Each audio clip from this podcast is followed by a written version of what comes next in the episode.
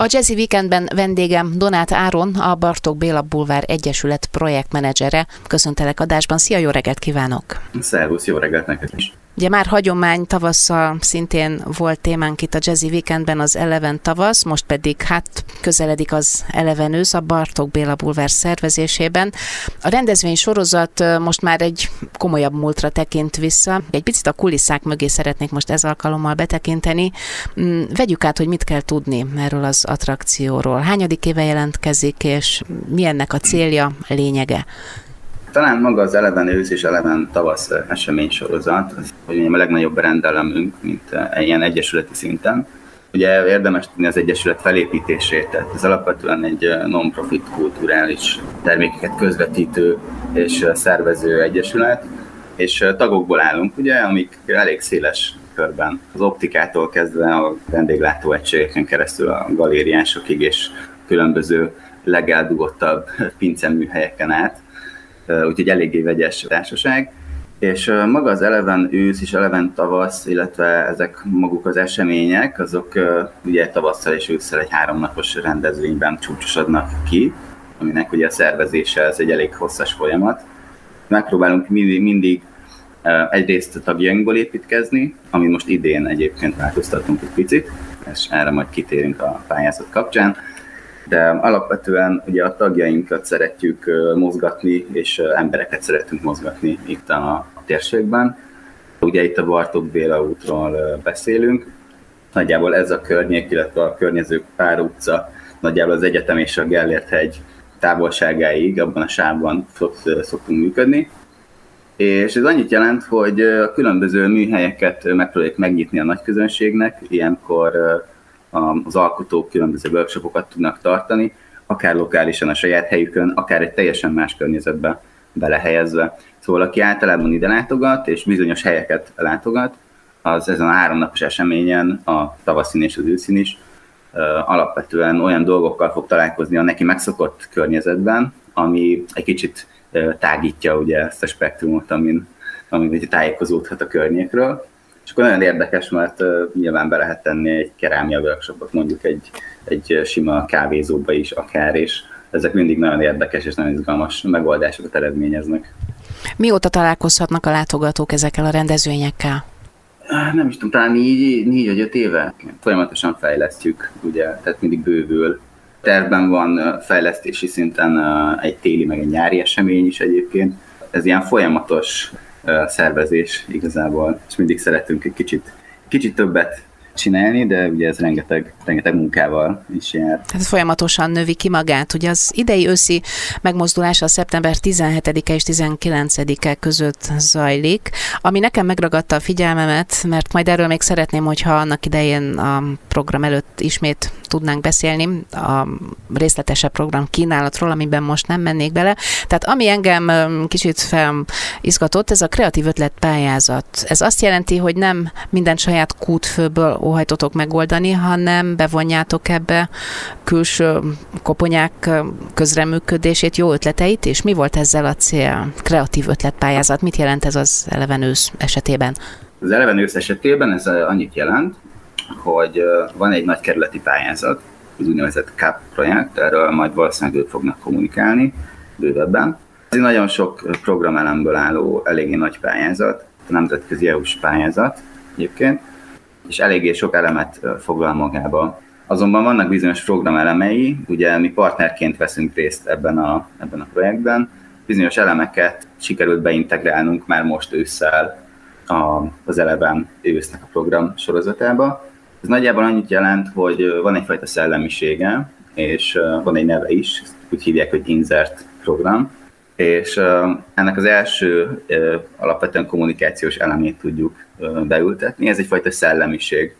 Az egész program arról szól, hogy hogyan tudunk közösségeket integratív módon megképezni, úgy, hogy az egésznek a hívó szavai azok kreativitás és a köré felépülő történetek. Itt egyszerű dolgokra kell gondolni, eset lehet, hogy mindenki találkozott már azzal, főleg, hogy valaki mondjuk művész, hogy, hogy valaki oda sétál hozzá, és ugye valami ismerős, mondjuk egy, egy távoli családtag, és realizálja ugye, hogy mondjuk az illető hogy esetleg festőművész, vagy designer, vagy valami hasonló, és nagyon érdekes mindig az a mondat, ami elhangzik, hogy hogy hát igen, igen, én, én is régen festettem, és aztán hát mégiscsak mondjuk ügyvéd lett, vagy közgazdász.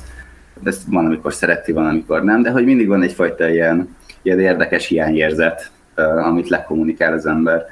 És uh, maga a platform, amit majd ebből a, a, az insertből fognak építeni, ugye a projekt folyamán, ez egy elég hosszú, vagy három éves projekt, az gyakorlatilag megpróbál egy felületet képezni arra, hogy, hogy ilyesfajta érdeklődéseket közösségbe lehessen szervezni. Ugye itt az átlagemberhez is szól, akinek csak valami, valami, valamiért kíváncsi. Ugye a kíváncsiság az mindig egy jó mozgatórugó, és van egy érdeklődési köre, de nem feltétlenül tudja megtalálni azokat a viszonylag egyszerű platformokat, mondjuk akár egy, egy workshopot elég, elég nehéz megtalálni egy eldugott kis műhelybe, főleg a kis létszám, és nincsen ennyire tág módon kommunikálva.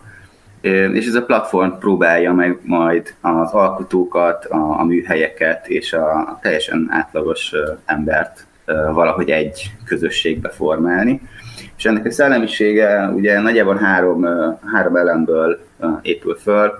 Az egyik, hogy ugye bemutassunk dolgokat, tehát szélesítsük a, az érdeklődési kört, és a második lépés pedig az edukáció, tehát hogy valamilyen szinten meg is tanítsuk ezeket, tehát ez mondjuk úgy képzeld el, mint egy, mint egy nyitott műhelyt, nem feltétlenül irányított workshopot, hanem inkább egyfajta ilyen együtt, együtt alkotást, miközben még inkább megfigyelőként vesz részt az ember, és a harmadik elem pedig az, hogy ebből egy fajta közösség épüljön fel, és, és ugye ki is lehessen ezeket próbálni, tehát gyakorlati szinten is meg lehessen tanulni, és együtt lehessen alkotni, teljesen különböző rétegben, és teljesen különböző emberek, és hát főleg ugye a kerületre fókuszál ez, de majd lehet, hogy kinövi magát a program minden remény szerint. De a lényeg az, hogy, hogy ezek így ez együtt alkotásban tudjanak kiteljesedni, maga a platform az alkalmas lesz arra is, hogyha mondjuk Marika néni szeretne egy pikniket rendezni a, nem tudom, a házuknak a kertjében, és erre a környező érdeklődőket szeretné meghívni. Tehát egy eléggé gyakorlatias platform fog ebből készülni. De és ennek, ennek a szellemiségét próbáltuk meg integrálni az Eleven ősz programba, ezzel a pályázattal, és pont ez a bővítés is szempont volt, hogy ne csak a saját, saját tagjainkat tudjuk megmozgatni mindig, hanem, hanem tudjunk bevonzani egyéb, egyéb kreatív embereket. Szempont volt, hogyha valaki kerületi, ugye ez egy kerületi program, alapvetően figyelembe vettük azt, hogyha valaki a kerületben él és kerületben mozog, együtt lélezik ezzel a közeggel, de nem szigorúan ez a Bartók Béla út és, és a szűkebb környezete, hanem ugye vannak, vannak ilyebb is műhelyek, rengeteg festő lakik itt például egy kicsit nyugisabb, kicsit félreesőbb helyeken. Úgyhogy nagyon érdekes volt maga az ötletpályázat, és ezt, ezt a szellemiséget próbáltuk meg végül is belevinni. Mm, Donát Áronnal mindjárt folytatjuk a beszélgetést, ezúttal az Eleven ősz rendezvény sorozatról, itt a Jazzy Weekendben. Már is jön a Jumping Matt and His Combo és a Real Good Man. A Jazzy Weekendben Donát Áronnal a Bartók Béla Bulvár Egyesület projektmenedzserével beszélgetek, méghozzá a közeledő Eleven ősz programsorozatról. Érdekes programok lesznek, ezek még jelen pillanatban egyeztetések kérdése. Ez az, amiről beszélsz, ez azért a digitalizációnak egy nagyon intelligens és előremutató felhasználása már, amit nyilván majd sokaknak már ez a sajátja, de azért van, akinek még szokni kell, de ez abszolút a jövő. Illetve hát már a jelen, mint ezt ebben az esetben látjuk is. A pályázatok benyújtásának határideje már lejárt, gondolom itt le is zárult talán már az elbírálás is, hát ha még nem is fejeződött be, de folyamatban van ezzel kapcsolatban, mik a tapasztalatok? Elég sok pályázatot kaptunk, bőven 60-70 környékén. Ugye van erre egy keretünk, amit a, a, ugye elkölthetünk, tehát ez egy büdzsé, ami eléggé megszabja, hogy, hogy miket tudunk támogatni. Szabad tudni ennek összegét? Hogy emlékszem másfél millió forint egyébként uh, szűken erre a pályázatra. Uh-huh. Ezeket úgy, úgy képzeld el csak, hogy kontextusból lehessen helyezni, hogy uh, mondjuk egy, egy workshop ára, ami, amit uh, mondjuk egy ember megtart a hétvége mind három napján, az szerencsésebb esetben ilyen, ilyen 50 és 100 ezer forint között van. Uh-huh. Ugye maga az egész egyesület egyrészt a, a tagdíjainkból működik, de az egy abszolút működési költség. És bármi, amit egyéb dolgot tudunk létrehozni, akár egy eseményt, akár szervezni bármit, akár támogatni valamit, az mindig valamilyen pályázat útján, vagy valamilyen támogatás útján tud létrejönni, ezért alapvetően nagyon érzékenyek vagyunk arra, hogy, hogy mi egy büdzsé. Tehát uh, eléggé szigorú a, a, a belső elszámolás ilyen szempontból. Hogyne. Úgyhogy meg, ilyenkor mindig az a szellemiség, hogy megpróbálunk minél uh, érdekesebb, minél több embert megmozgató és, és minél költséghatékonyabb programokat támogatni. És uh, itt most ugye két, uh, két szintű zsűrizés volt olyan szempontból, hogy voltak olyan programok, amire azt mondtuk, hogy tök jó, nagyon, nagyon király csináljuk mindenképp, és uh, van még egy másik pályázati adag, ami sajnos még további egyeztetést fog igényelni, tehát hogy mi rugalmasak vagyunk, tehát nem az van, hogy egy pályázatba érkezik, és ha, ha ez így nem felel meg pontosan mindennek, akkor így kihajítjuk, hanem, hanem felveszünk fel a kapcsolatot. Nagyon érdekes, amit szeretnétek csinálni, esetleg túl drága, vagy esetleg mi szeretnénk bővíteni, akár több alkalmasan, mert sokkal érdekesebbnek tartjuk, mint amit ők vállalni szerettek volna. Úgyhogy ez még egy folyamatos egyeztetés a következő egyébként másfél hétben, amíg teljesen le tudjuk zárni, de az alapzsűrizés ez már lezajlott. Uh-huh, tehát ez ilyen több rostás. Milyen témákban érkeztek a pályázatok? Hú, te, na, nagyon, nagyon széles írtunk ki, direkt azért, hogy, hogy senki ne érezze azt, hogy, hogy nem pályázhat, mert nem fér bele. Ugye a szellemiséget azt, azt figyelembe vettük, de itt a, az egyszerű workshopoktól kezdve a műhelybeszélgetéseken át, akár báb színház, vagy színházi előadás, kiállítások, de zenés produkciók is. Ugye ezért nem lehet egy nagyon nagy költségvetésű zenei produkciót befogadni egy ilyen pályázatban, mert én személy szerint sokkal jobbnak tartom, hogyha egy fellépő helyet mondjuk négy darab workshopot tudok megfinanszírozni ugyanabban az összegből, Inkább olyan dolgokat válogattunk be, hogyha ha zenéről volt szó, vagy akár az előadásokról, amilyen nagyon jól, nagyon jól passzolt ebbe az elképzelésbe. Nagyon jó kis programok. De tényleg felolvasóest, műhelybeszélgetés, tárlatvezetések, tematikus sétáink lesznek, különböző installációkat találhatnak majd a kedves érdeklődők, akár az utcánként. És ugye a szempont volt, hogy ne csak egy installációt építsünk, hanem ehhez kapcsolódjon is valamiféle tevékenység, Úgyhogy az installációk is olyan szinten interaktívak lesznek, hogy akár együtt lehet alkotni, akár a, kint az utcán, ugye az alkotókkal, vagy az érdeklődőkkel.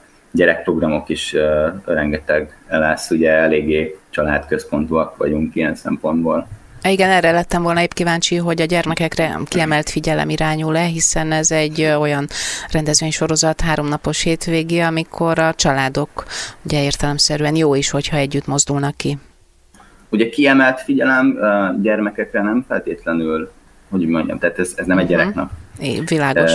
Viszont az egész környéknek a közege azért rengeteg családos embert, ugye rengeteg családos ember, akik itt nagyon szeretjük azt, hogyha ugye ez egy eléggé éles különbség például egy Bartók Béla útnak, és mondjuk akár egy Rádai utcának, vagy, vagy egy belvárosnak, ugye kontrasztja, hogy mi lokálisan szeretünk gondolkodni elsődlegesen. Ugye én vendéglátós szektorban dolgozom, tehát ez egy nagyon érdekes szempont mindig, hogy van, aki úgy gondolkozik, hogy rengeteg turistát szeretne, és van, aki meg úgy gondolkozik, hogy, hogy inkább a helyieket lehozni. És a mi helyzetünk külön érdekes, mert ugye a Keksőrműfáz egy pince helyiség, egy régi Lego pince, és van egy szép kis portálunk, egy eldugott kicsi utcában az Orlai elején, de alapvetően nem egy feltűnő dolog. Ugye most van egy szép teraszunk, és ez oké, este ki van világítva, és úgy látszik, de egyébként nagyon érdekes, hogy rengeteg ember két-három évvel később talál rá, pedig a házban lakik. Hogy, és akkor úgy letéved, és rájön, hogy ú, ilyen klassz hely. És ilyenből rengeteg van egyébként itt a Bartók vélen, hogy érdemes felfedezni, és az események kapcsán mindig mindig megpróbáljuk ösztönözni ezt, erre vannak a sétáink is, a szakmaitól a teljesen laikusig, a művészettörténettől a, az ökón keresztül ép, építészet történet, vagy akár egy irodalmi séta felolvasásokkal, színészekkel. Rengeteg színész is lakik a, a kerületben. Helyileg próbáljuk meg ezeket mind-mind megoldani, meg inspirálni, és ugye az a cél, hogy a helyi ember az részt vegyen, tehát szerves része legyen ezeknek az eseményeknek, meg úgy az egész közegnek. És akkor emellett ugye ez a plusz layer, ami, ami most bejött, hogy, hogy nem csak a sajátunkból dolgozunk, hanem megnyitjuk egy kicsit más alkotóknak is nem csak kerületi alkotókat díjaztunk természetesen a pályázatban. Oké, okay, hát én nagyon jó munkát, sikeres előkészületeket kívánok nektek, és találkozzunk majd a rendezvény előtt szeptember közepén. Sziasztok, szép napot! Donát Áronnak, a Bartók Béla Bulvár projekt menedzserének köszönjük szépen a tájékoztatót az Eleven ősz programsorozattal kapcsolatban.